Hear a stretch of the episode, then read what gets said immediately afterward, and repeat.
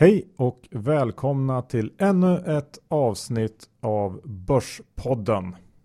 Med John Skogman, Johan Isaksson och idag universalgeniet Johan Norberg.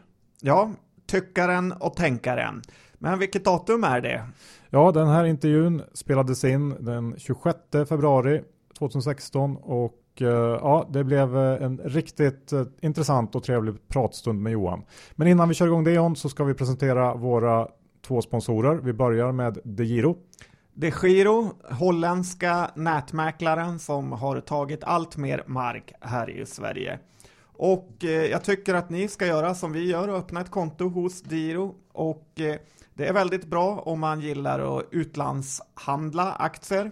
Eh, ni har kanske följt mig på Diro-portföljen och eh, det som är positivt med är att det är väldigt låga växlingsavgifter som en del av de andra nätmäklarna har fått eh, kritik för. Så öppna ett konto på giro.se och trada värden. Ja, det kan man ju behövas när man gör sådana affärer som du gör. Köper Valiant och sånt skräp. Men eh, bra John. Nästa sponsor är ju Lendify. Lendify.se. Ja, det är ju Sveriges svar på Lending Club och det här kan man säga som en alternativ investering då man så att säga peer-to-peer lånar ut pengar till eh, kreditvärdiga personer som inte har betalningsanmärkningar och så vidare. Och eh, man har fått i snitt 8% i avkastning på den här investeringen. Så det är även en helt diversifierad investering från börsen och har gett bra avkastning som ni hör. Så gå in på lendify.se och se om det kan vara något för din portfölj. Yes, nu rullar vi intervjun med Johan Norberg.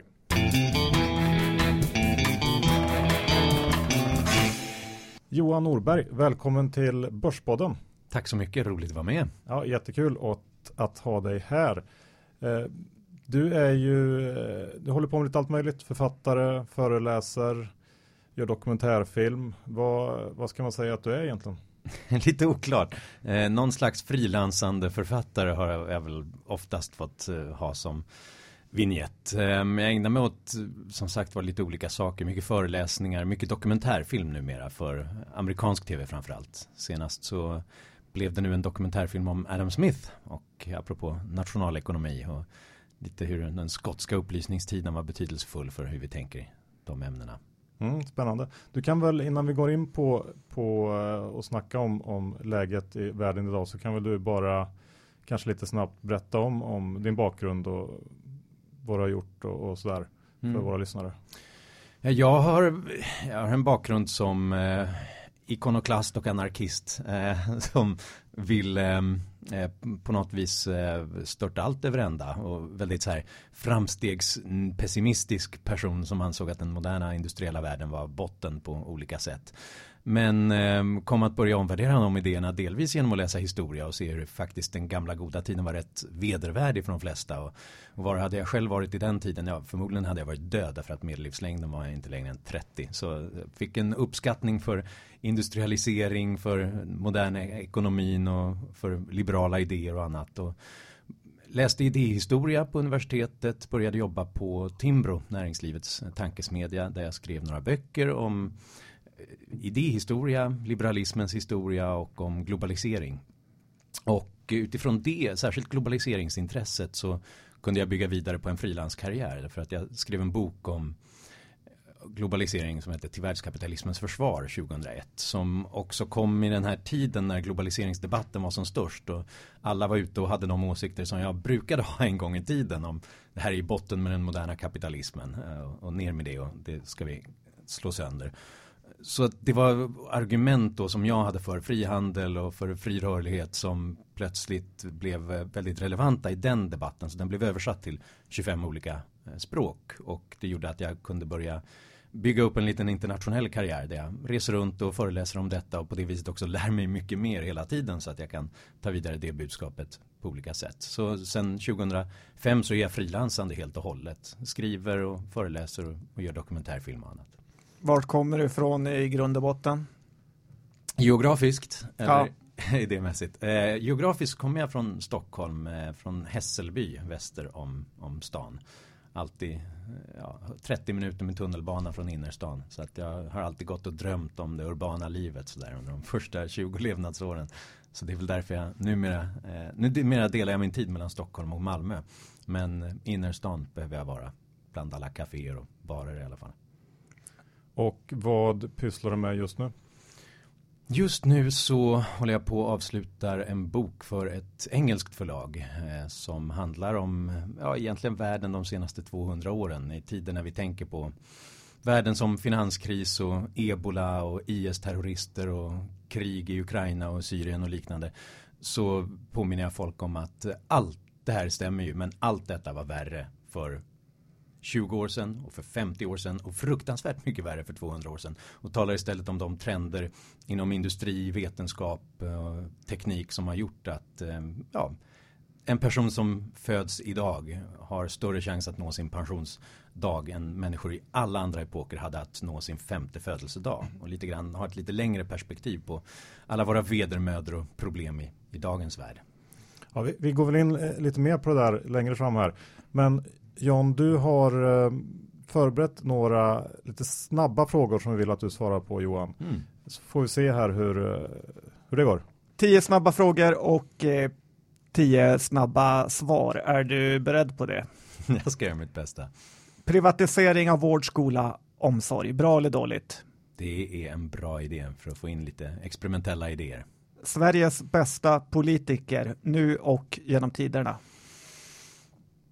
Då skulle jag säga Johan August Gripenstedt, finansministern i mitten av 1800-talet som gav Sverige näringsfrihet och mer religionsfrihet och frihandel med England och Frankrike och andra som gjorde oss lite rika. Det var att briljera, men vilken är favoriten nu? Nu levande, eller nu aktiv. Nu aktiva. Ja, det var det blir alltid tuffare. Man vill ju helst att de ska ha dött först så att man känner till hela deras gärning. Men om jag ska säga någon som jag tycker imponerar just nu så är det mm, i Sverige eh, Annie Lööf, eh, Centern, som oväntat har tagit det här gamla bondekonservativa partiet och blivit väldigt så här öppenhetsbejakande och vill faktiskt börja ta itu med mycket gamla tabun med arbetsmarknad och annat. All right. Världens bästa land enligt dig? Ja, det beror på vad man lägger in i världens bästa land, men där man trivs bäst och lever bäst och, och sånt. Alltså jag har ju en förkärlek för sådana här små länder ute i periferin på något vis. Så att jag kan väl säga Nya Zeeland kanske. Så trevligt, fantastisk, spektakulär natur och dessutom väldigt liberal ekonomi och politik på olika sätt. Sverige då? Det är faktiskt också ganska bra. Jag trivs rätt bra här. Det finns ett skäl till att jag stannar här. Så vi kanske kommer upp bland topp 10 i alla fall. Topp 10, skönt. Din åsikt om eh, Tea Party-rörelsen i USA? Mm. Oh, jag tillhör ju de som faktiskt välkomnade det och tyckte att det var pikt med ett slags så här underifrån-uppror eh, mot politisk elit och mot alla eh, självsvåldiga politiker och bailouts och annat. Och sen så fick jag också äta upp allt det därför att det visade sig att den här gräsrots rörelsen kunde spåra ut i alla möjliga riktningar och bli ganska moralistiska och invandringsfientliga och, och massor av dem håller på Donald Trump och då undrar jag vad jag tänkte när jag välkomnade dem. Hur investerar du dina egna pengar? Oh, så många olika korgar som möjligt eh, i det här skedet i alla fall eftersom jag tycker att allting känns så otroligt eh, svajigt och märkligt. Eh, aktiemarknaden känns ju, har ju känts extremt uppblåst men det är ju dumt att inte vara med när alla andra är galna och vill blåsa upp den marknaden. Å andra sidan så tänker jag väldigt mycket på return of money snarare än return on money. Alltså att på något vis ska man ha någonting kvar så att mycket, mycket får man väl tänka på obligationer och, och annat också. Till och med lite på banken. All right, så mest tråkiga investeringar då. Vinner Hillary USA-valet? Ja, det tror jag. Om det inte visar sig att hon hade något i den där servern, något konstigt mail som kommer att skaka om allting och då kan vad som helst hända. Finns euron kvar om tio år?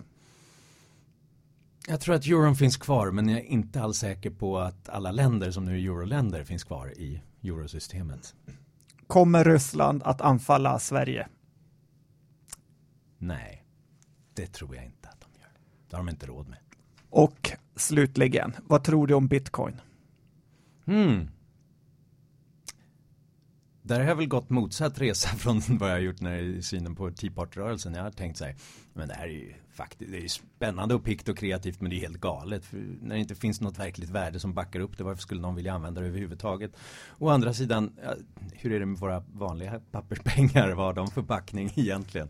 Och, och så visar det sig att det har faktiskt eh, varit väldigt, eh, väldigt framgångsrikt. Jag tycker det är extremt spännande och det är ett sätt att blanda in information i valutan på ett sätt som faktiskt kanske kan vara rätt revolutionerande även på andra områden. Jag åser det med spänning vad som ska hända. Ska vi börja och eh, prata om eh, centralbankerna?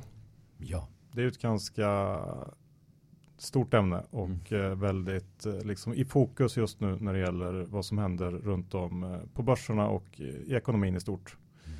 Vad, eh, vad är din syn på den utveckling vi har haft ja, under ganska många år nu men som bara fortsätter? Mm.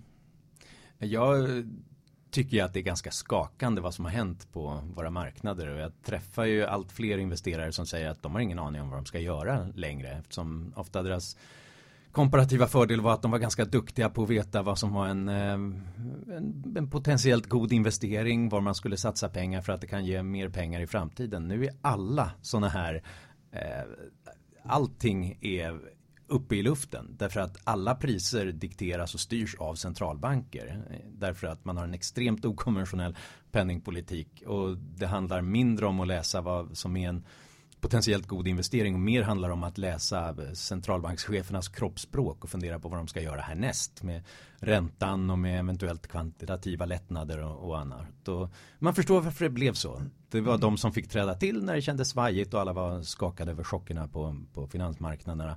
Men det utrymme de har tagit sig gör att vi är extremt beroende av deras beslut i framtiden. Jag tror inte att de heller vet riktigt vad det finns för nödutgång utifrån alla de interventioner som de har gjort hittills och alla de investeringar som har blivit gjorda hittills. Men hur kunde det komma sig att räntan egentligen blev negativ? Ja, det känns ju alldeles, alldeles absurt. Eh, jag tillhör ju de som är ganska rädda för det. För alla eh, kriser har ju börjat på det viset med att pengar är för billiga. Det är det farligaste som finns. Billiga pengar som gör att människor blir i huvudet och gör massor av investeringar som inte är hållbara till någon annan ränta. Och det enda vi vet är väl att någon gång så går räntan tillbaka till någon slags normalläge.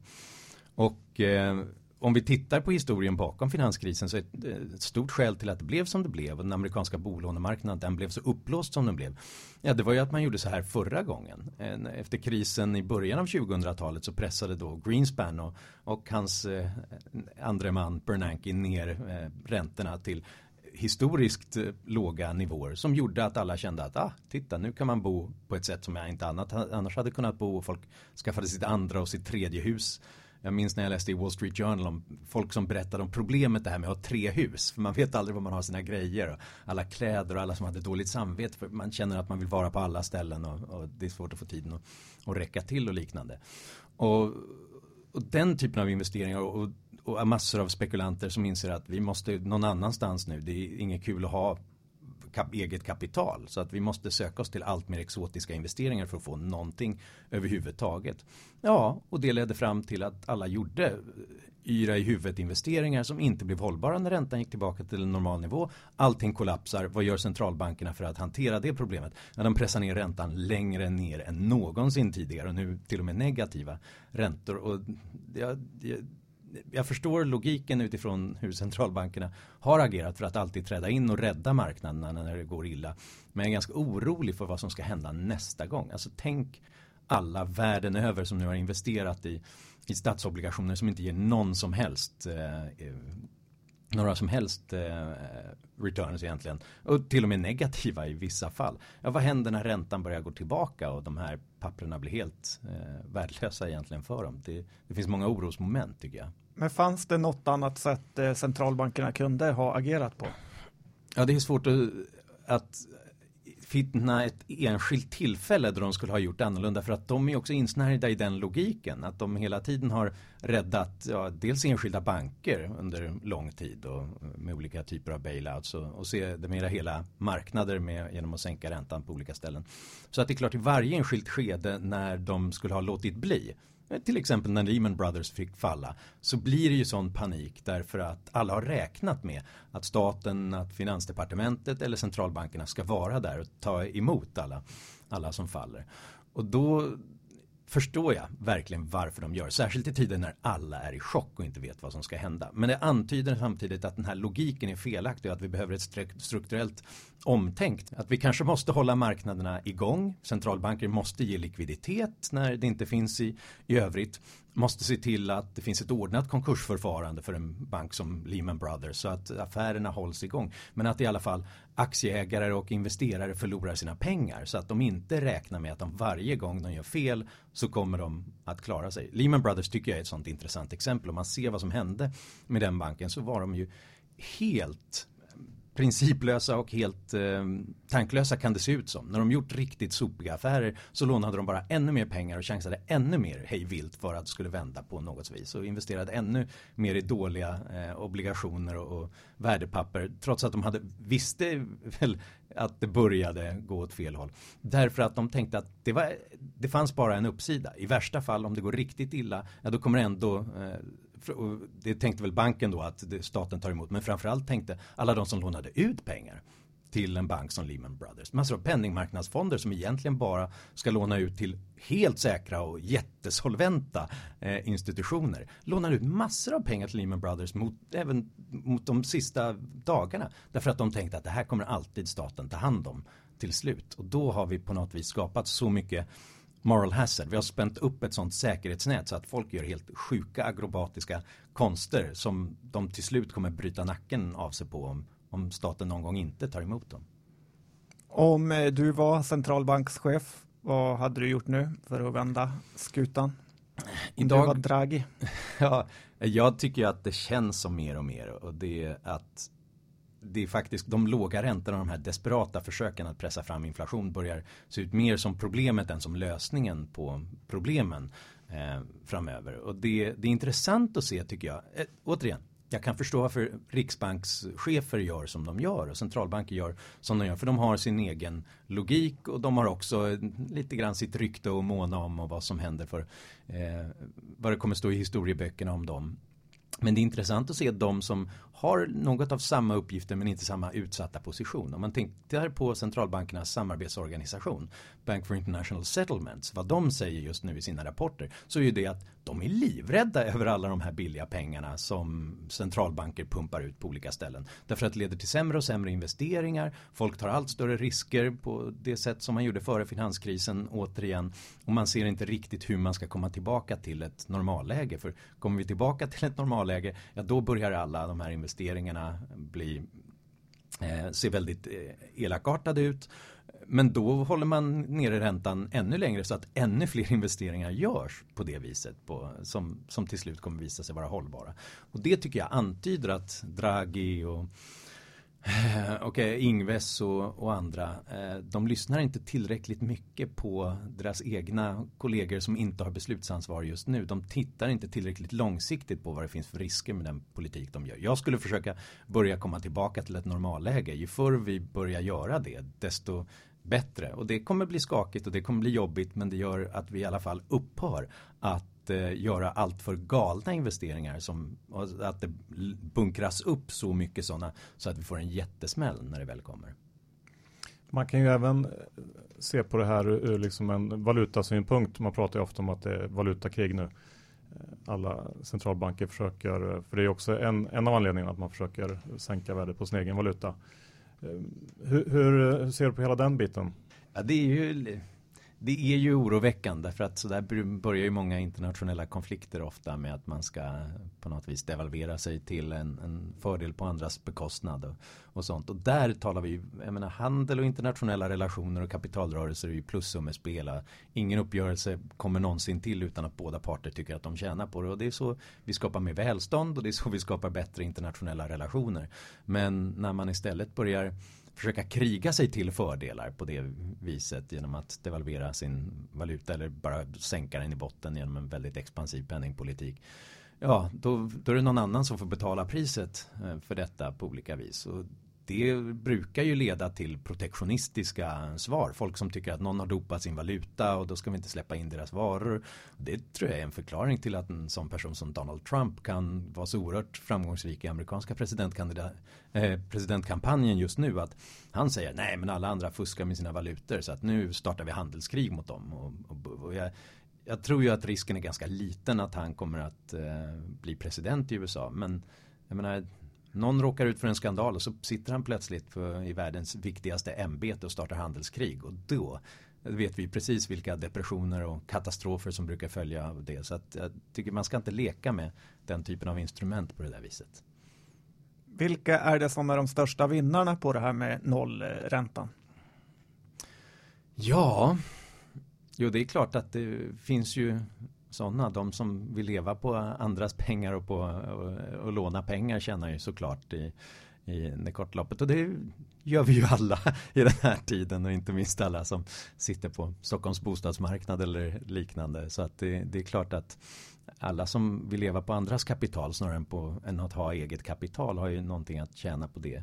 Eh, I alla fall i det korta loppet. Å andra sidan så brukar det ju ofta sluta med att folk eh, belånar sig över taknocken och eh, fattar beslut som faktiskt inte är hållbara när räntorna väl går tillbaka. För tittar man på Stockholms konjunkturen nu så är det ju enorm högkonjunktur i Stockholm. Det går inte att få bord någonstans. Priserna på per kvadratmeter är 100 000 och uppåt. Och eh, hur kommer det sig att man inte alltid haft eh, nollränta när det är så bra kan det kännas? Exakt. Ja, Jesus. Nej, men jag minns, det var ju så här tio år sedan, någon, det var en finansman i min närhet som vars son hade sålt en eh, fantastisk lyxlägenhet centralt i Stockholm för 100 000 kronor kvadraten och alla, alla bara garvade och kände så här det är helt osannolikt, kommer aldrig hända igen. Nu är det normalläge plötsligt. Det finns väl i och för sig skevheter på bostadsmarknaden i övrigt och att vi har hyresreglering och man får inte bygga någonstans som folk kan se eh, bostaden som gör att det blir väldigt dyrt också. Men, eh, men det är klart, ja det snurrar på väldigt bra just nu och alla känner sig ju rika förstås som har en, en bostadsrätt därför att och alla känner sig rika som har eh, aktier därför att eh, eftersom man inte kan ha pengar någon annanstans. Pengar på banken ger ju ingenting. Så det är klart, då, då man, måste man investera på aktiemarknaden. Priserna ökar där. Vi har ju en jätteinflation. Det är bara det att det inte syns på mjölkpaket och på mobiltelefoner utan vi har det på fastighetsmarknaden och vi har det i aktier och sånt. Och det känns ju bra medan det pågår för de som redan har eh, tillgångar där. Och det är toppen så länge det varar. Men det kommer ju inte vara för evigt. Det kan inte vara för evigt därför att vi gör också mer och mer knasiga investeringar när, prisen, när räntan är så, så oerhört låg.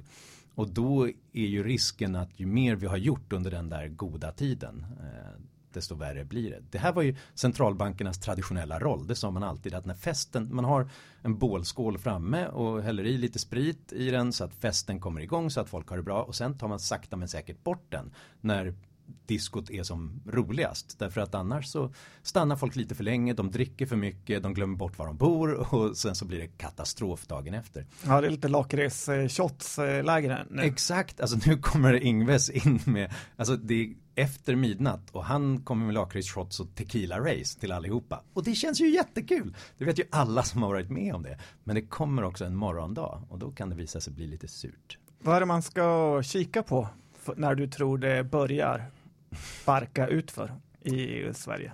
Ja, alltså det är väl den där oron som man ska försöka kika efter. När mer, mer än priserna så är det eh, när animal spirits på något vis börjar ersättas med ont i magen. Och man kan se att rör, rörelserna blir lite starkare på olika eh, marknader och på börsen och annat. Där, det finns ju en tendens till att vi har börjat komma dit i Sverige och internationellt också. Att folk inser att, börjar inse att det kommer inte vara hur länge som helst och börjar fundera på när det tar slut. Och då är det klart att då, då är ju risken att när man ser att andra tänker den tanken så börjar man snabbt tänka den tanken själv och då kan det gå lite undan. Så att jag skulle ändå börja med både hängslen och livrem i det här skedet. Det här med, med inflationen då och hur man mäter den och även det här med att vi det här inflationsmålet som, som Riksbanken och ja, i princip alla centralbanker jobbar efter. Hur, hur ser du på det?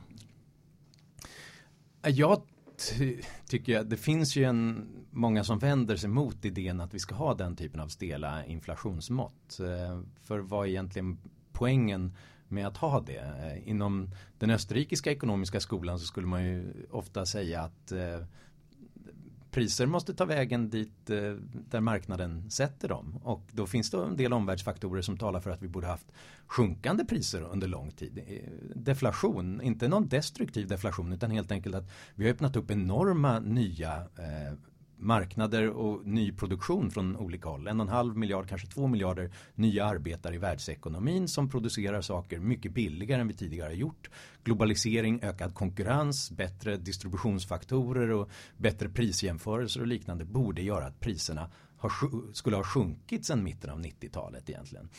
Och då om man säger att vi måste ha ett inflationsmål, vi måste se till att priserna ska öka ungefär 2 varje år, ja då innebär ju det att man måste ha en extra expansiv penningpolitik som ligger och mullrar i bakgrunden, även om det inte känns så. Därför att inflationen går ju inte över 2% kanske, eller något sånt. Så finns det ändå väldigt mycket eh, expansivitet som ligger där under ytan, har pressat upp priserna mer än de skulle ha gjort och gör att eh, räntan förmodligen har legat lägre än det hade gjort om man hade talat om någon slags mer traditionella vanliga mar fria marknadsformer.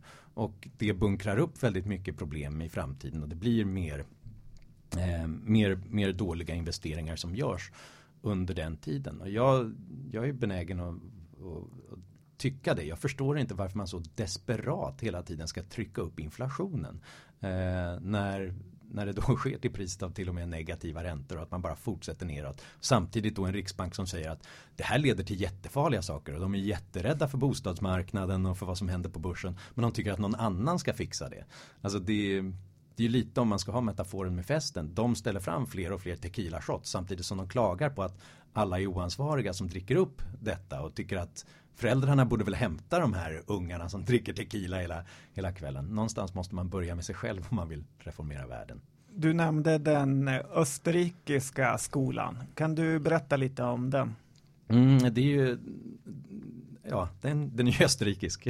och har Prata tyska där. grund i, och, ofta bar flugor, de, de flesta av dem. Eh, Ludwig von Mises och eh, Friedrich August Hayek och, och andra som eh, stod i lite motsatsställning mot eh, inte bara då mer interventionistiska och keynesianska skolor och andra utan också hela den neoklassiska skolan och tycker att den är lite för ekonometrisk och arbetar för mycket med enkla aggregerade mått och försöker bara sammanfatta allt som händer på marknaden och menar att man måste se marknaden istället som det myller av individer och vad de faktiskt gör hela tiden. Vi kan inte eh, ens förstå den ovanifrån. Vi kan inte ens eh, Eh, och vi kan definitivt inte sitta och eh, diktera och reglera vad de här människorna gör därför att det måste eh, vara en, en underifrån rörelse hela tiden och som därmed också har en kritik mot mot sånt som vår övertro på kanske centralbankschefer. Om det nu finns många jag menar, det finns många, har varit marknadsliberaler som har tyckt att eh, att vi måste ha marknad överallt. Men har ändå en tro på att Alan Greenspan skulle kunna ligga i ett badkar och lusläsa statistiska tabeller och förstå hur hela ekonomin funkade och sätta en perfekt ränta som skulle funka för allt detta. Och då skulle Mises och Hayek säga att det, glöm sådana tankar. Det är ingen som är så smart att de kan samla upp all sån information och sätta priser på ett sätt och räntor räntan är ju det viktigaste priset vi har på ett sätt som är smartare än vad alla de här miljonerna individer hade gjort eh, av sig själva. Och som därmed också blir misstänksamma mot alla försök att eh, rädda marknader genom att eh, centralbanker går in exempelvis och manipulerar penningpolitiken på det här sättet. Därför att problemet är inte, skulle Mises och Hayek säga, problemet är egentligen inte att vi fick en kris. Eh, det får man alltid om man har gjort dåliga investeringar och då är det bra med en kris därför att det betyder att vi sorterar bort de dåliga investeringarna och kapital och arbetskraft flyttar över till de sektorer som funkar och är mer bärkraftiga. Om vi hela tiden går in efteråt och räddar de dåliga investeringarna då kommer vi få fler sådana dåliga investeringar. Vi låter dem leva längre och då får vi zombieföretag och vi får zombiebanker som inte orkar låna ut och inte orkar göra någonting istället. Så de är lite hårdare helt enkelt. de är lite hårdare och säger, ber oss lite att ha lite is i magen. Och tänk inte att ni ska lösa varje problem varje gång därför att då kanske ni skapar större problem framöver. En sån här klassisk österrikisk metafor skulle vara att jämföra med hur vi ser på skogsbränder. Att länge så hade man idén att i varje skogsbrand som uppstod då måste man ut och släcka den elden väldigt snabbt. Och det kan man förstå för det är trist och det finns alltid risker med en brand. Det kan sprida sig och liknande. Men man insåg ganska snart att om man släckte varje brand hela tiden så innebar det att det samlades upp mer och mer gammalt sediment, gammalt lager, gamla döda träd och grenar och gräs och det växte till med massor av sly och dåligheter som gjorde att när det väl blev en brand som spred sig så blev det en total katastrof så småningom istället. Österrikarna skulle säga ha lite is i magen, låt det brinna lite här och där. Låt en del företag och låt en del banker gå under då och då också. För det måste vi ha därför att vi har girighet i oss eh, men vi har också rädsla i oss. Det har vi alla när vi investerar någonstans. Och, och båda drivkrafterna behöver vi. behöver lite girighet så att vi ser, letar möjligheter hela tiden. Men det måste också balanseras av den här rädslan och känslan att det kan också gå riktigt illa. För att annars så kommer vi investera för hårt på fel saker. Och österrikarna skulle säga att vad vi håller på, vad centralbanker har gjort under 30 års tid, det är att försöka få bort den här rädslan och säga åt oss till oss, det är lugnt, vi löser det här, går det illa så tar vi emot er. Varför har de så litet inflytande när de ändå låter lite halvvettiga? Eh, jag tror att många teoretiskt kan hålla med om poängerna men det är jättesvårt att göra att följa de recepten när det gör ont i magen. Eh, och som 2008 när folk verkligen har panik och inte har en aning om vad det ska hända så är, då reagerar vi väl kanske lite mer med, med reptilhjärnan om jag får säga så. Bara man tänker rädda det som räddas kan på olika sätt. Eh, och det, det är väl ett skäl. Ett annat skäl är att inom nationalekonomin så har det länge varit väldigt mycket status att man ska jobba med ekonometri och det ska vara väldigt mycket siffror och data medan eh, Mises och Hayek och Menger och Böhm, Baverk och andra tyckte att vi, vi, får, vi ska inte hålla på för mycket med siffror. Därför att då förenklar vi bort från de komplexa samband som faktiskt finns där ute. Vi måste förklara det hela och förstå det hela. Nästan på ett lite mer humanistiskt humaniora eh, vis. Och det har inte stått så högt i kurs i nationalekonomi. Det, då får man inte så goda betyg och man går inte vidare till forskningsutbildningen och man får inte Nobelpris. Eh, även om Hayek i och för sig fick det men det var 1974. Så att eh, det har varit tufft för dem ett tag. Men jag tror att den här krisen har samtidigt gjort att fler har fått upp ögonen för den skolan och vad den kan bidra med för insikter. Du nämnde också finans finanspolitiken och eh, penningpolitiken. Kan du bara snabbt eh, reda ut skillnaderna i de två? Ja, alltså eh, den, den, rent monetära penningpolitiken det handlar ju om vad vi gör, eh, ja, framförallt vad centralbankerna gör med våra penningar. Hur mycket av dem vi har och vilka priser det sitter på dem. Finanspolitiken så talar vi mer om vad är det faktiskt vi gör med våra pengar. Vad är det staten gör med, eh, med rikets finanser och, och annat. Och det, vilket ju kan vara oberoende och det kan dra åt samma håll och det kan dra åt olika håll. Jag menar, vi, vi har ju kört här i Europa med en ganska expansiv penningpolitik samtidigt som finanspolitiken har varit ganska stram på ganska många håll. Vi har inte eh, eftersom vi har haft så mycket skulder och att man måste då höja skatter och, och minska utgifter istället. Det, det är många som eh, liksom har kritiserat krisbekämpningen just på det planet känns som, som tycker att eh, hade man bara varit lite mer expansiv på, inom finanspolitiken så kanske det hade sett annorlunda ut. Vad, vad tycker du om det? Mm.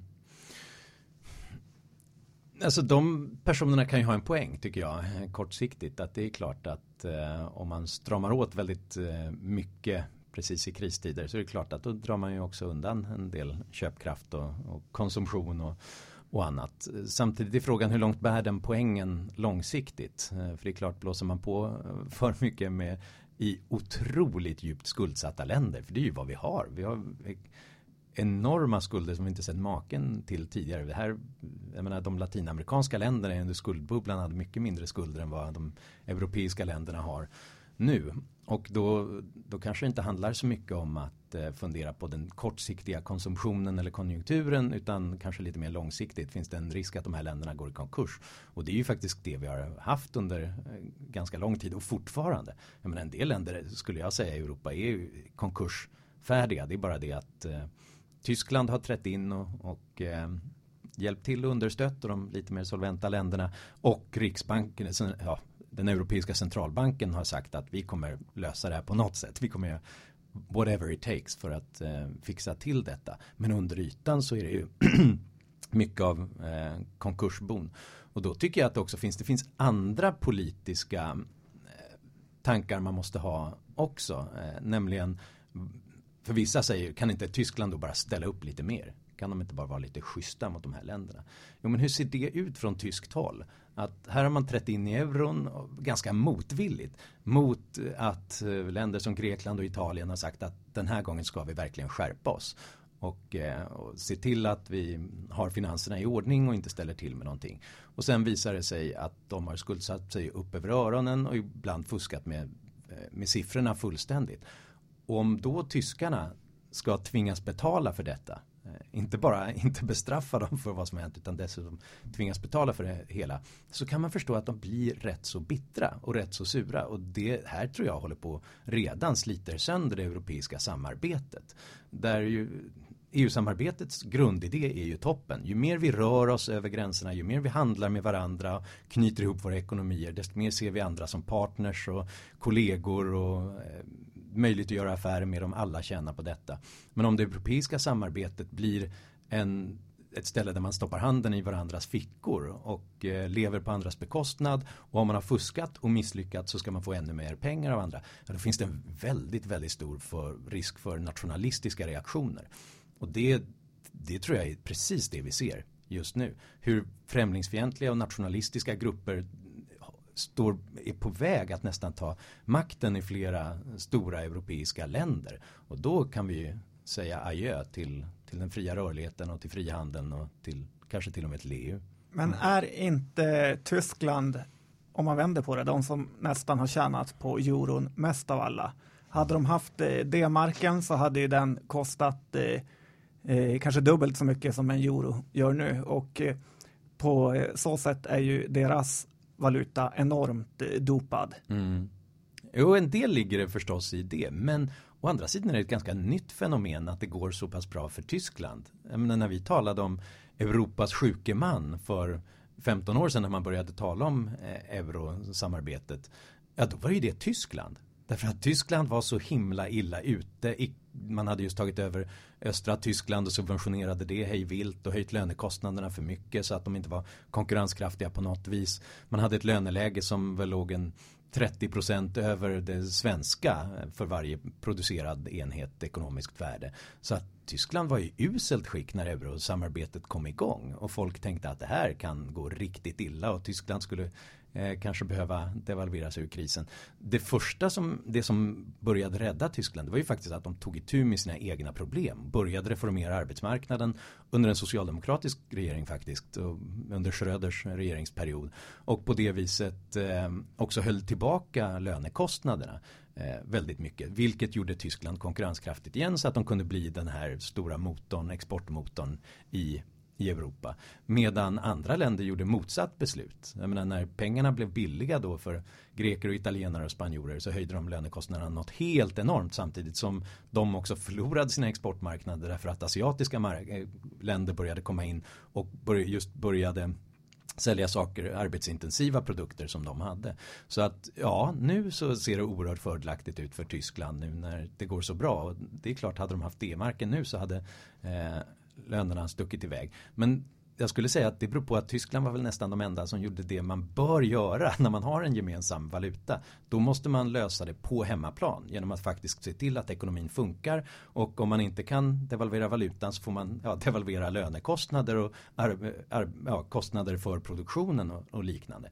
Problemet var att de andra länderna inte gjorde detsamma utan de bara blåste på när de fick billiga pengar. Men är det kört för Grekland, Portugal och Spanien, Italien? Eller kan de göra samma resa som tyskarna har gjort? Eh, jag ska väl säga att vissa länder har lite grann gjort mer än vad jag hade förväntat mig eh, trots allt här. Jag tycker att eh, i Spanien och Portugal delvis så har man sett lite mer reformer och, och på arbetsmarknaden och sånt som faktiskt har stabiliserat situationen nationen rätt mycket. Inte lika imponerad hittills av Italien och verkligen inte av, av vad Grekland har gjort. Där man ju bara då gjorde minskade utgifter och höjde skatter. Vilket bara stramar åt utan att ha de ordentliga strukturella reformerna som gör att faktiskt folk har någonstans att gå till. Att det finns andra företag som kan ta upp över arbetskraft och, och kapital och liknande. Så att det, det, man får se lite, eh, göra lite olika distinktioner mellan de olika länderna. Jag tror inte att det är kört om de gör rätt saker men, men de gör ju inte alltid det. Det som jag är mer ännu mer orolig över kanske det, det är just de politiska konsekvenserna. Därför att ett skäl till att Spanien och Portugal har gjort sådana saker är ju att man har det har dikterats för dem. Man har fått eh, pengar och löften från Bryssel och från Berlin mot att man gör ganska tuffa åtgärder.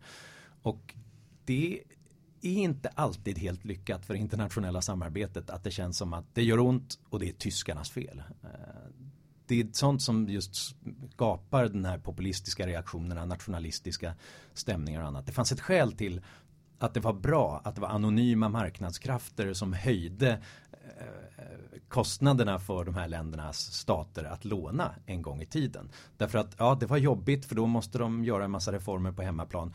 Men det var inte något enskilt land som hade gjort detta som alla kunde skylla på.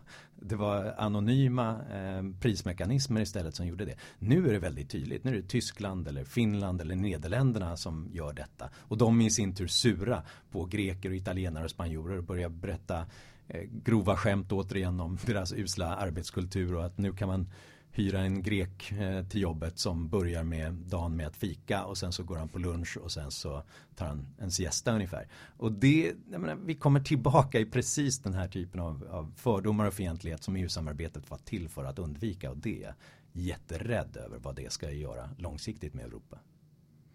Vad, vad, blir eh, nästa steg då i den här eurokrisen som vi ändå fortfarande dras med? Mm.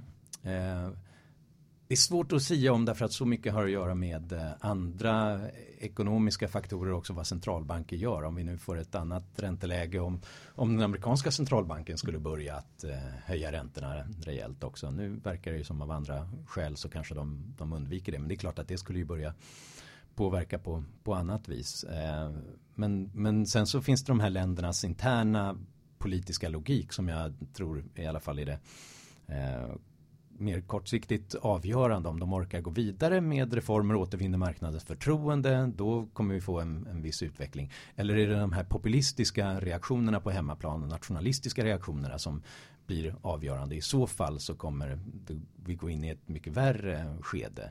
Och, och den stora saken att hålla ögonen på det är väl egentligen vad Ja, dels naturligtvis vad händer med de här nya lite mer populistiskt influerade krafterna i Spanien, Portugal, Grekland. Kommer de att börja vända om här nu? Då kommer det bli en slitning mot Tyskland som gör, tror jag, det ohållbart att ha ett eurosystem gemensamt för dem överhuvudtaget. Eller kan det till och med bli så att det finns en risk för att Front National eh, får reell makt i Frankrike? I så fall så är hela EU-samarbetet eh, i gungning skulle jag säga tillbaks lite grann till det här med, med eh, ja, centralbankerna och uh, vad de håller på med. Har vi, vad, vad blir endgame här? Vad, har vi någon slags Japan-scenario framför oss eller kommer det sluta med någon stor kris eller, eller vad, vad ska man tro om det? Ja, säg det. Till slut så blir det en kris. Men det är ju lätt att eh, förutspå om, om för det kommer det alltid bli någon gång.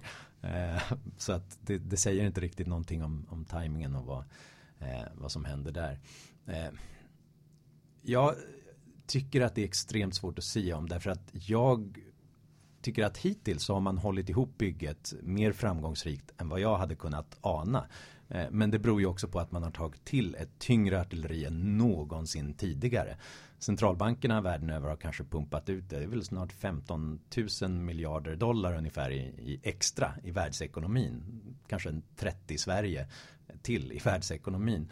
Och det är klart på det viset så kan man hålla uppe saker väldigt länge. Eh, man kan hålla nere räntan och man kan hålla uppe olika tillgångspriser. Eh, men jag har jättesvårt att se hur man någon gång ska kunna moppa upp all den här extra likviditeten som man har hällt ut. Så att eh, och med tanke på hur mycket dåliga investeringar som ändå måste ha skett under den här tiden så, så blir väl det, min korta prognos blir att centralbankerna kommer känna att det finns inte riktigt någon exit-strategi. De måste se till att det fortsätter. De, det stora vi har direkt här, det är ju en jätte, det borde vara en jättestor statsobligationsbubbla. Massor av eh, massor som har investerat sig enormt i eh, statsobligationer som inte ger någonting överhuvudtaget. Om, om de väl tvingas börja betala någonting för att, för att låna så det, det kommer inte vara kul att bli sittande med den typen av av eh, investeringar på ganska lång sikt också eh, för många. Det, det kommer bli väldigt tufft. Men sen så tror jag att vi har generella värderingar som har stuckit iväg ganska mycket på, på aktiemarknader och, och annat under, under en längre tid. Och kanske så har vi en, jag menar det har trängt in pengar i en del exotiska obligationer återigen som är lite konstigare och som inte, dels skräpobligationer av olika slag men också det finns en del hackat och malet som de gamla bostadsobligationerna i USA som hade skruvats till på märkliga vis och ingen riktigt visste vad det var. Men det gav lite bättre avkastning i alla fall än jämfört med att ha pengar på banken och då, då händer det saker. Men väldigt stora pengar av de här som har pumpats ut från centralbanken har ju också tagit vägen till olika emerging markets. Därför att när det har pengar hamnar alltid någonstans. Det är också en sån där insikt från den österrikiska skolan. Även om det inte ser ut som vi har inflation så bubblar det upp någonstans. För att det går inte att bara skicka ut pengar. De börjar alltid hamna någonstans. Det går, lägger sig aldrig jämnt över ekonomierna. Och när det har sett ut som vi har dåliga investeringsmöjligheter i Europa och delvis i USA. Ja, då har det stuckit iväg till Kina och till eh, Turkiet och till Indonesien och till Indien och, och andra ställen. Och där pressat ner eh, då lånekostnader på allting som eh, bygga nya städer och bygga motorvägar och flygplatser precis överallt. Ja, Johan, du verkar ju ganska negativ av dig, men ser du inga positiva saker där ute? Mm, jo, jösses, jag vill verkligen inte ge intryck av att jag är någon allmän generell pessimist, för det är jag inte, utan det är för att vi har uppehållit oss vid en del former av politik som jag tycker eh, är, lite kortsiktig. Men på det stora hela om man tittar vad som har hänt i världen under de senaste 30 åren så är jag otroligt hoppfull. Vi har haft det största lyftet i mänsklig levnadsstandard ekonomiskt och socialt som vi någonsin har sett. Genom globalisering, genom eh, teknisk utveckling, genom marknadsliberaliseringar verkliga reella faktorer på marken, inte bara genom viss eh, penningpolitik eller något liknande. Utan för att människor har gått från jordbruk in i fabriker, fått bättre utbildning, kunnat producera mer, kunnat exportera till andra delar av, av världen. Det är faktorer som har gjort att vi har minskat den extrema fattigdomen i världen med 150 000 människor eh, varje, eh, varje timme under de senaste 30 åren. Och eh, det betyder ju att vi eh, håller på att gå en helt ny värld till mötes. Där vi har varit vana vid att se bottenlös fattigdom så ser vi nu en framväxande medelklass som, eh, som lever bättre, kan ge sina barn bättre förutsättningar, föder färre barn så att de också har färre munnar att mätta och kan minska fattigdomen ännu mer än vad de har gjort tidigare. Så vi är inne i väldigt goda spiraler i grund och botten. Och därmed också fler människor som kan bidra, fler ögonglober som kan titta på våra problem och fler hjärnor som kan tänka ut nya lösningar på dem. Så att jag ser ju framför mig nya innovationer, ny utveckling, nya affärsmodeller, som, ny teknik som vi aldrig har kunnat tänka oss eller aldrig kunnat drömma om tidigare. Så i grund och botten är jag väldigt hoppfull skulle jag säga. Men, men hur ska man tänka kring det här då? Automatisering, digitalisering och uh, robotisering och allt det här. På något sätt så kommer det förändra vilken typ av kompetens man kanske behöver i framtiden och hur, hur ska man tänka kring det här? Mm. Det är sant. Det är klart att det ställer oss inför nya svåra frågor där det är svårt för oss att tänka ut vad är, vilka är morgondagens jobb de, om nu eh, smarta maskiner kan ta över allt mer av det vi har. Å andra sidan är det den frågan vi alltid har ställt oss i alla tider när vi tänkte att nu kommer eh, maskinerna och gör textilproduktionen mycket smartare. Vad ska människor arbeta med då? Ja, då kunde man inte föreställa sig att vi skulle till slut ha personer som satt och programmerade spel till mobiltelefoner eller liknande. Och jag tror att det är samma sak här. Att det, vår fantasi idag begränsar oss. Men med eh, flera miljarder människor runt om i världen som har bättre tillgång till utbildning än någonsin tidigare och som har tillgång till all världens eh, kunskap också kommer att tänka ut helt nya saker, helt nya lösningar som vi aldrig har kunnat drömma om. Redan nu skulle jag säga att den här tanken att, att robotarna skulle ta alla jobb ifrån oss, det, det är svårt att föreställa sig eh, det. Ja, det ställer andra krav på vilken kompetens som krävs. Eh, men historiskt sett så har bättre tekniska hjälpmedel har gjort att även de som inte har den högsta kompetensen har kunnat göra saker ännu bättre. Inte för att de nödvändigtvis kan hantera de robotarna eller programmera dem. Utan för att det gör dem mer produktiva på olika vis. Alltså, eh, kassapersonalen på ICA behöver inte kunna allt hur det funkar med den optiska läsaren av prisstreckkoderna eh, eh och liknande. Men de har blivit otroligt mycket mer produktiva och kan göra mycket mer därför att den finns. Och jag tror att det är samma sak med, med robotar också. Det som är intressant eh, framöver är ju att ja, dels att det finns väldigt mycket komplement eh, kunskap som, som människor besitter eh, redan idag.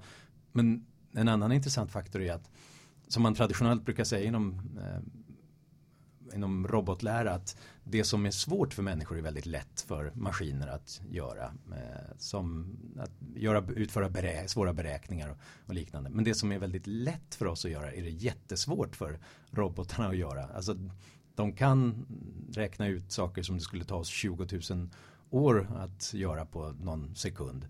Men de kan inte plocka upp ett mynt från eh, marken och de kan inte gå i trappor eller vika en handduk.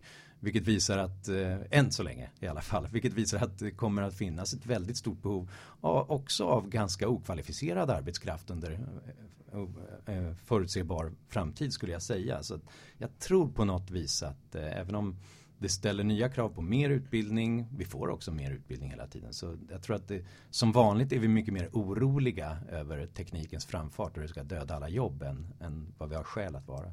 Men kommer det leda till att vi får, får liksom eh, ännu större klyftor på något sätt då? Att det är dels de som, som eh, ja, kan, kan göra de här eh, robotarna eller verkligen ta fram de här bolagen som, som eh, tjänar på det här och de som ska serva på något sätt. Mm. Ja men det tror jag att det finns en risk för definitivt. Att eh, de som är, är perfekta komplement till eh, robotarna och de smarta maskinerna. De kommer att tjäna otroligt stora summor. Det finns ju andra faktorer som drar åt det hållet också. Som helt, ja, verkligen den globala ekonomin. Det är faktum att eh, man nu kan lite grann en gång i tiden kunde man vara näst bäst, tredje bäst på någonting. Men man hade sin lokala marknad eh, så att därför funkade det där. Nu kan en enda stjärna slå över hela världen. Då är det inte lika kul att vara näst bäst. Jag menar Shakespeare kunde, han, han var säkert bäst i världen men han kunde ändå bara spela för utsatta hus på ett par ställen. Så det är några hundra personer per kväll som kunde se det. Medan J.K. Rowling hon kan skriva för hundratals miljoner människor runt om i världen och därmed så blir det inte lika lätt att vara eh, klart sämre. Så att det finns den typen av faktorer som drar i, mot ökad ojämlikhet i världen. Eh, men det finns en motverkande faktor också skulle jag säga och det är ju helt enkelt den, att den teknik som skapas av de riktiga vinnarna rasar så pass mycket i pris därför att vi är så, de är så duktiga på att producera det. Jag menar,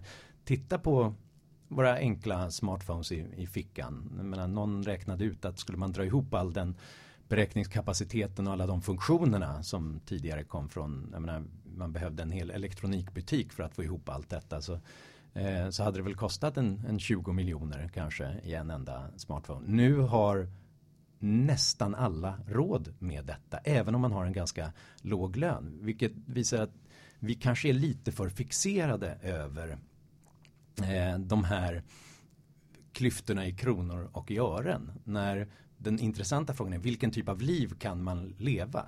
Och jag menar Bill Gates har inte en så pass mycket bättre mobiltelefon än vad jag har faktiskt. Han kan, bygga, han kan ha mycket större hus och han kan alltid åka, flyga lite bättre än vad jag kan. Men hans praktiska vardagsupplevelse av kaffe eller eh, mobiltelefoner eller kanske till och med av mat är inte så pass mycket bättre än min är som den ser ut i kronor och i ören. Så just för att marknaden är så konkurrensutsatt så drivs priset ner på allting som vi behöver och det är viktigare än hur mycket kronor och ören vi har, vår verkliga reella köpkraft.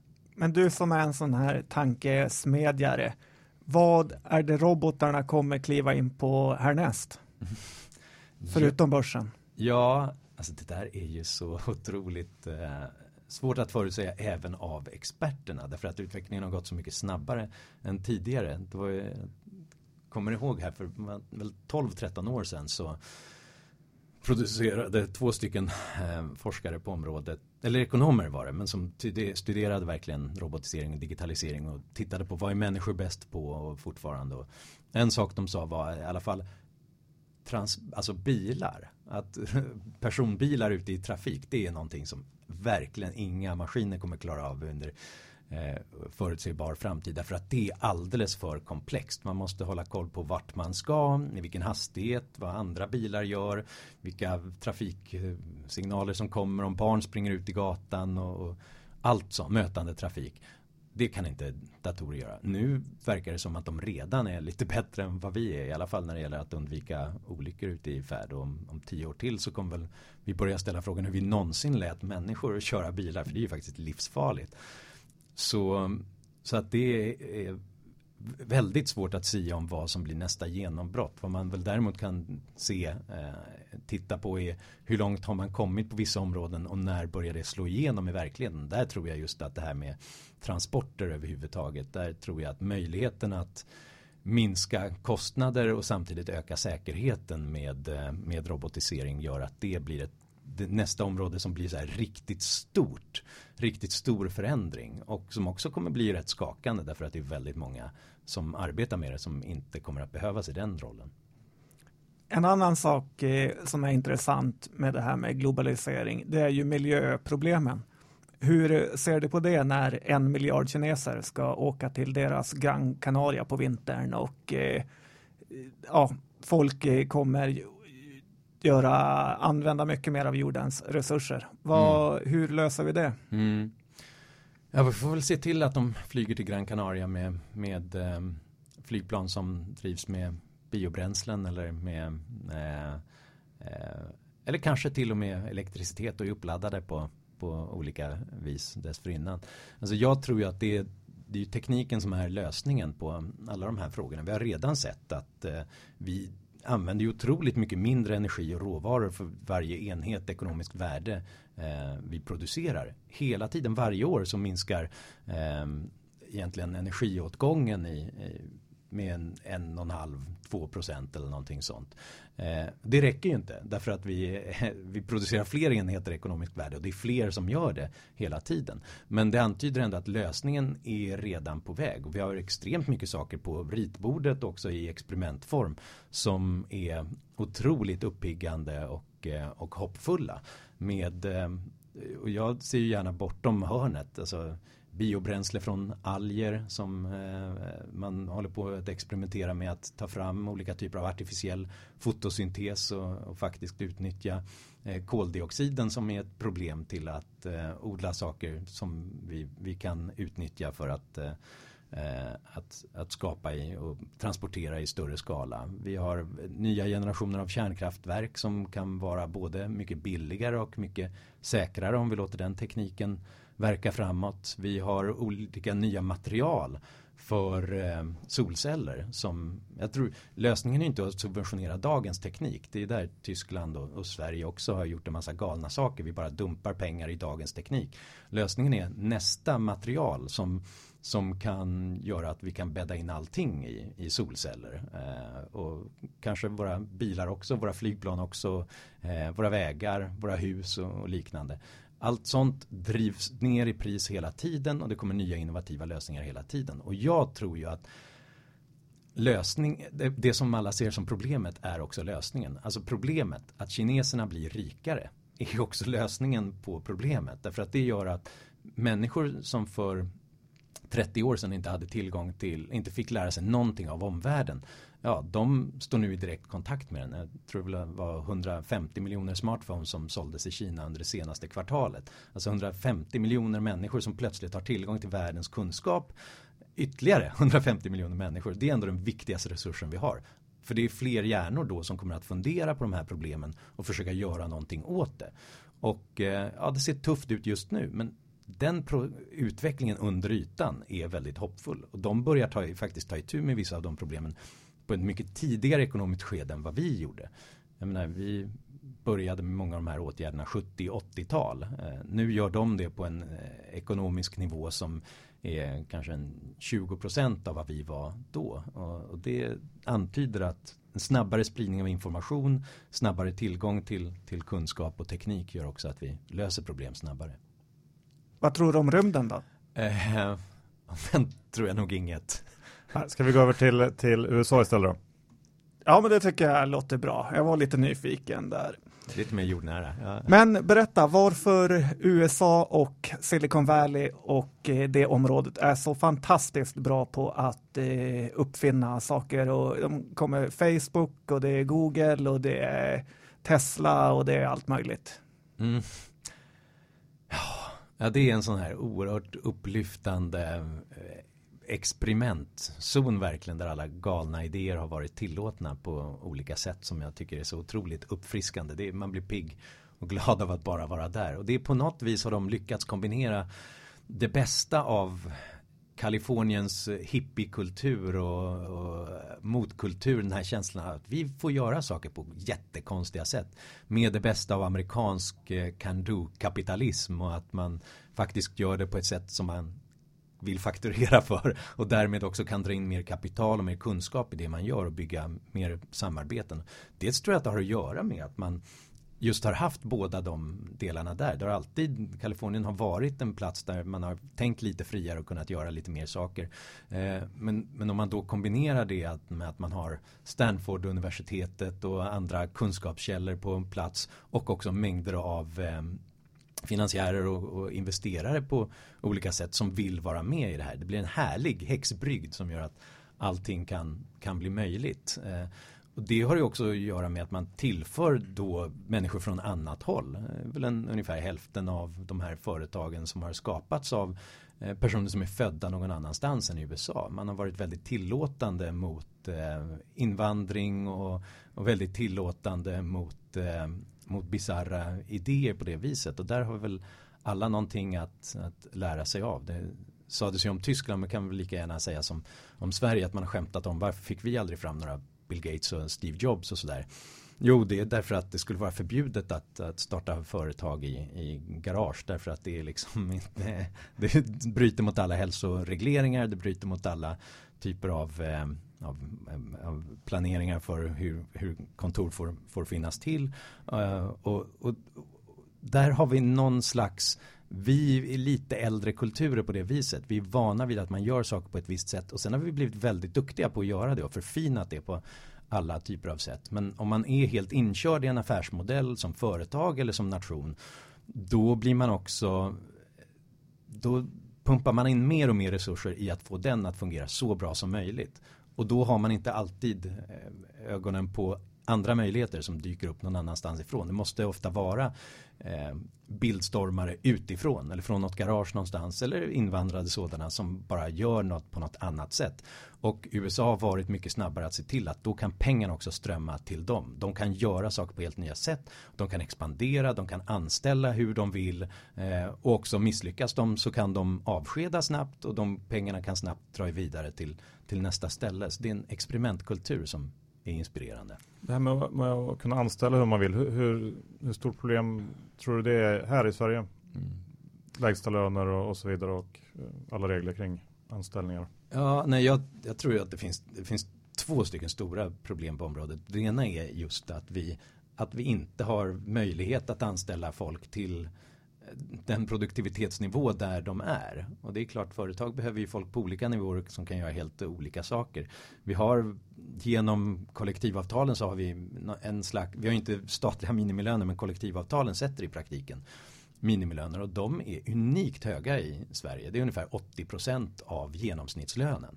Och vad betyder det? Det betyder att är du mindre produktiv än 80% av genomsnittssvensson ja då är du helt prissatt utanför marknaden. Då kommer du inte få ditt första jobb. Och får du inte ditt första jobb får du inte ditt andra eller tredje heller. Och det gör ju att du kommer aldrig in och kan arbeta billigt men bygga upp då erfarenheter, kompetens och bygga upp ett rykte om det om att du kan gå upp och komma i tid till jobbet och faktiskt prestera någonting. Ja, då kommer du aldrig nå upp till den produktivitetsnivån där du blir anställd. Så att vi har, vi har en jättebra arbetsmarknad för de som har sitt tolfte jobb. Men vi släpper inte in nykomlingar på arbetsmarknaden och det är farligt av många olika skäl. Därför att det är svårare att ta risker och bara anställa folk. Men naturligtvis också när vi har stora ungdomskullar och väldigt mycket invandring. Med folk som inte alls har den utbildningsnivå och de erfarenheter som vi har. Ja, då kommer de bli istället utsatta, i, hamna i, i, som en permanent underklass. Det finns en väldigt stor sådan risk. Det andra som jag tycker är problematiskt det är det är vår arbetsrätt som också är till för att skapa trygghet för de som har varit väldigt länge på en arbetsplats. Därför att eh, är du de som åker ut först är också de som har kommit in eh, sist. Och det, dels är det jobbigt från arbetsgivarperspektiv därför att risken att bli sittande med fel kompetens är, är ödesdiger om det handlar om att snabbt kunna expandera, snabbt kunna dra ner och då också kunna behålla de som är viktiga. Eh, jättelätt om man är ett stort företag kan flytta folk till, till källan och sortera gem. Extremt svårt om man vill starta någonting från, från grunden.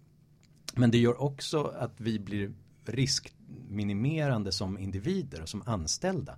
Därför att eh, då vill man ju bygga upp den här tiden som man har varit på en viss arbetsplats för då sitter man ju tryggare och tryggare. Vågar man ta risken att hoppa till det här nya stället där man då blir den sista inkommande på, på det stället och därmed åker ut eh, på en gång om man inte eh, om det blir problem för, för det företaget. Så det, allt sånt här bidrar till att bygga upp en en trygghetskultur i, i Sverige som verkligen strider mot den här eh, Silicon Valley-andan som handlar om att vi, vi måste ta risker. Vi måste våga satsa allt på ett kort och sen snabbt byta till ett annat kort om det inte funkar. Men vad är våra största styrkor här i Sverige då? Eftersom vi ändå står oss bra på alla rankingar hit och dit. Mm.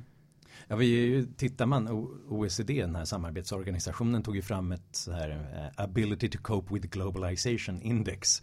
De får jobba på brandingen av det där lite, men helt enkelt vilka länder kan hantera globalisering på ett bra sätt. Och där är Sverige och de nordiska länderna kommer i toppen eh, på de listorna. Eller är nära toppen för de flesta av de nordiska länderna i alla fall.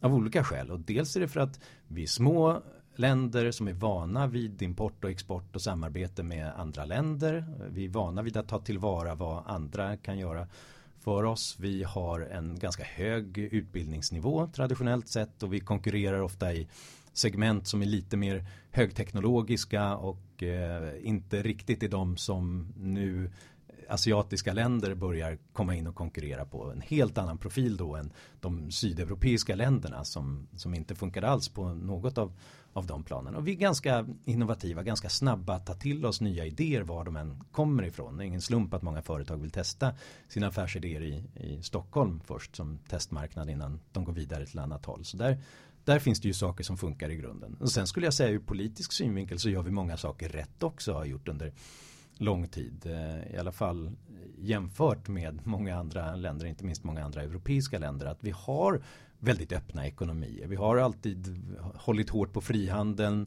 Vi har ett, ett tryggt legalt skydd för äganderätter och, och, avtal som funkar ganska bra. Vi har ganska god konkurrenssituation när det gäller, inte arbetsmarknader men produktmarknader.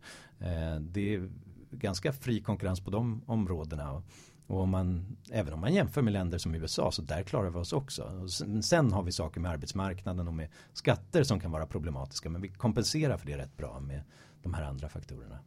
Men om man är ung svensk idag, vad ska man eh, försöka sikta in sig på för utbildning och kompetenser?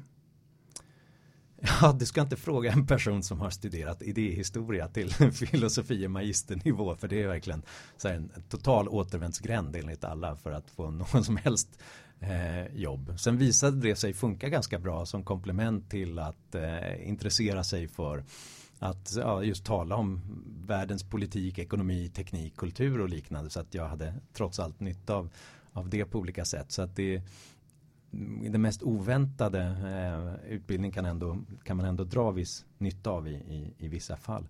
Men det är klart, vi har, det finns ju en, en risk att vi har ganska mycket folk som nöjesutbildar sig därför att det är så pass eh, förmånligt. Det är gratis, inte bara gratis, man får pengar för att eh, studera på högre nivå i, i Sverige. Och då är det klart att det blir ju tilltalande att göra det på ganska, med ganska enkla kurser som känns lite trevliga och då sitter vi där med ett enormt överskott på bibliotekarier och socionomer i, i Sverige och då kanske man ska hålla lite mer öga på vad det är för utbildningar som efterfrågas på arbetsmarknaden. Eh, men, men, men om man har det, då är det faktiskt ganska det finns ganska många olika saker som det finns efterfrågan på framöver. Det, jag menar, ekonomi och teknik och, och, naturvetenskap och sånt har vi en jättestor efterfrågan på. Men vi saknar också massor av plåtslagare.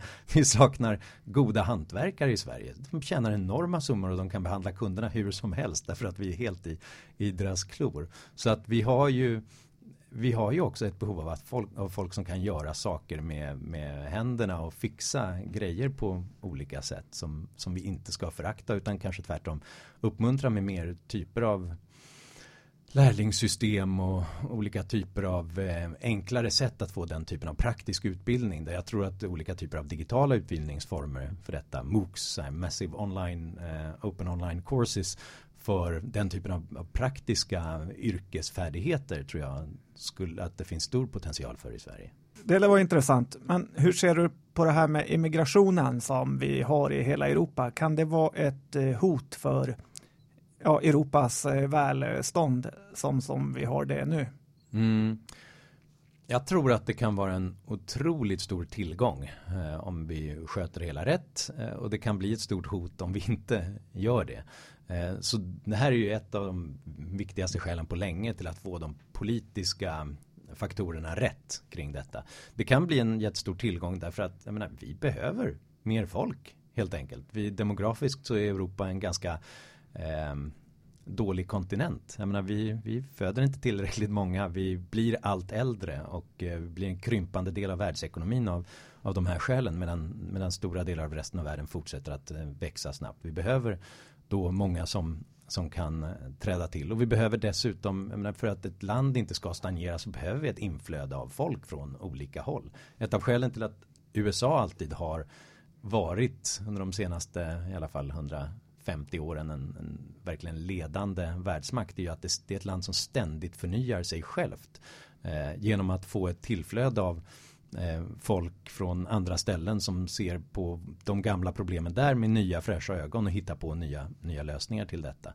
Så att därför är jag generellt väldigt positiv till invandring. Men det är klart, det bygger ju på att eh, de människorna arbetar och försörjer sig och får en chans att komma in i våra samhällen och inte hamnar på en, en flyktingförläggning och fastnar i, i bidragsträsk och i utanförskap. Därför att då etablerar vi, dels så tar vi inte, drar vi inte nytta av vad de kan göra. Och vad de skulle kunna göra både för sig själva och för våra samhällen. Men dessutom så etablerar vi spänningar och konflikter för framtiden om vi får fram en, en ny permanenterad underklass på det viset som, som dels kommer vara bittra över vad, vilken roll de får i samhället men dels väldigt mycket reaktioner mot dem från en, en, svensk befolkning som känner att det här är bara ett problem, skapar bara eh, kostnader och, och spänningar här. Så att det här är en ödesfråga skulle jag säga för Europa. Om jag då försöker plocka upp lite aktietips här som du har eh, hastat ur dig så kan man väl tänka att miljöteknikbolag kommer vara något att ha. Vad säger du om det? Ja, det kommer det vara. Jag tvekar inte på att några av framtidens eh, riktiga Googles och eh, Apples kommer vara just miljöteknikföretag av olika eh, slag. Å andra sidan svårt att se vilka därför att jag tror också att det finns där finns det nog en bubbla också. Många som har gjort precis det som politiskt har premierats nu och ofta subventionerats. Och som Vindkraftverk? Inte, där jag ser jättestora risker att det bara funkar därför att politiken just nu är gynnsam för det och att det inte egentligen finns de innovationer och de möjligheter som faktiskt gör det bärkraftigt långsiktigt. All right, du pratade om arbetsmarknaden och hur den är lite för säker här i Sverige.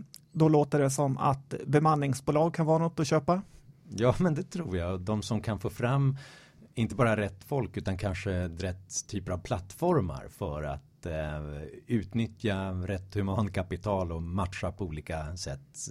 Liksom mer än Uber för arbetsmarknaden. De som jobbar med det och kan få fram det och göra det ett riktigt stort, det tror jag kan vara något. Och sen tänkte jag att du nämner plåtslagare, så man kanske inte helt ska satsa på den nya ekonomin, utan även lite old school. Vad säger du om det? Jag tror verkligen det också, Plåt, plåtslagarbolagen. Nej men den typen av jag menar, traditionella klassiska industriföretag kan ju också dra nytta av den nya tekniken. Det behöver inte vara gammaldags bara för att det är saker som man har gjort under väldigt lång tid. Så att eh, där, där tror jag att det, det, finns en risk att bara för att det inte uppfattas som sexigt och det känns inte kul att berätta om att man har investerat i, i det. Så ja, just därför kan det ju också vara undervärderat på många sätt. Och så kanske man kan kasta in lite bitcoin i slutet. Det vore väl dumt att inte hedga för att det här kan vara framtidens eh, teknik, inte bara för valuta utan för många sätt att hantera eh, i, ja, egentligen informationsöverföring.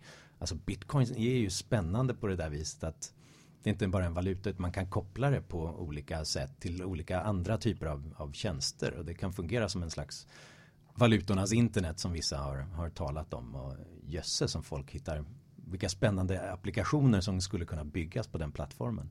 Det kanske inte är just bitcoin som, som gör det men de som använder den typen av teknik. Verkligen. Tack så hemskt mycket Johan för att du ville komma hit och prata med oss i Börspodden. Känns som att vi står och väger på många sätt uh, i världsekonomin och uh, på många plan och att vi fick en, en bra genomgång av dig idag. Tack. Tack så mycket. Mycket trevligt. Tack, tack.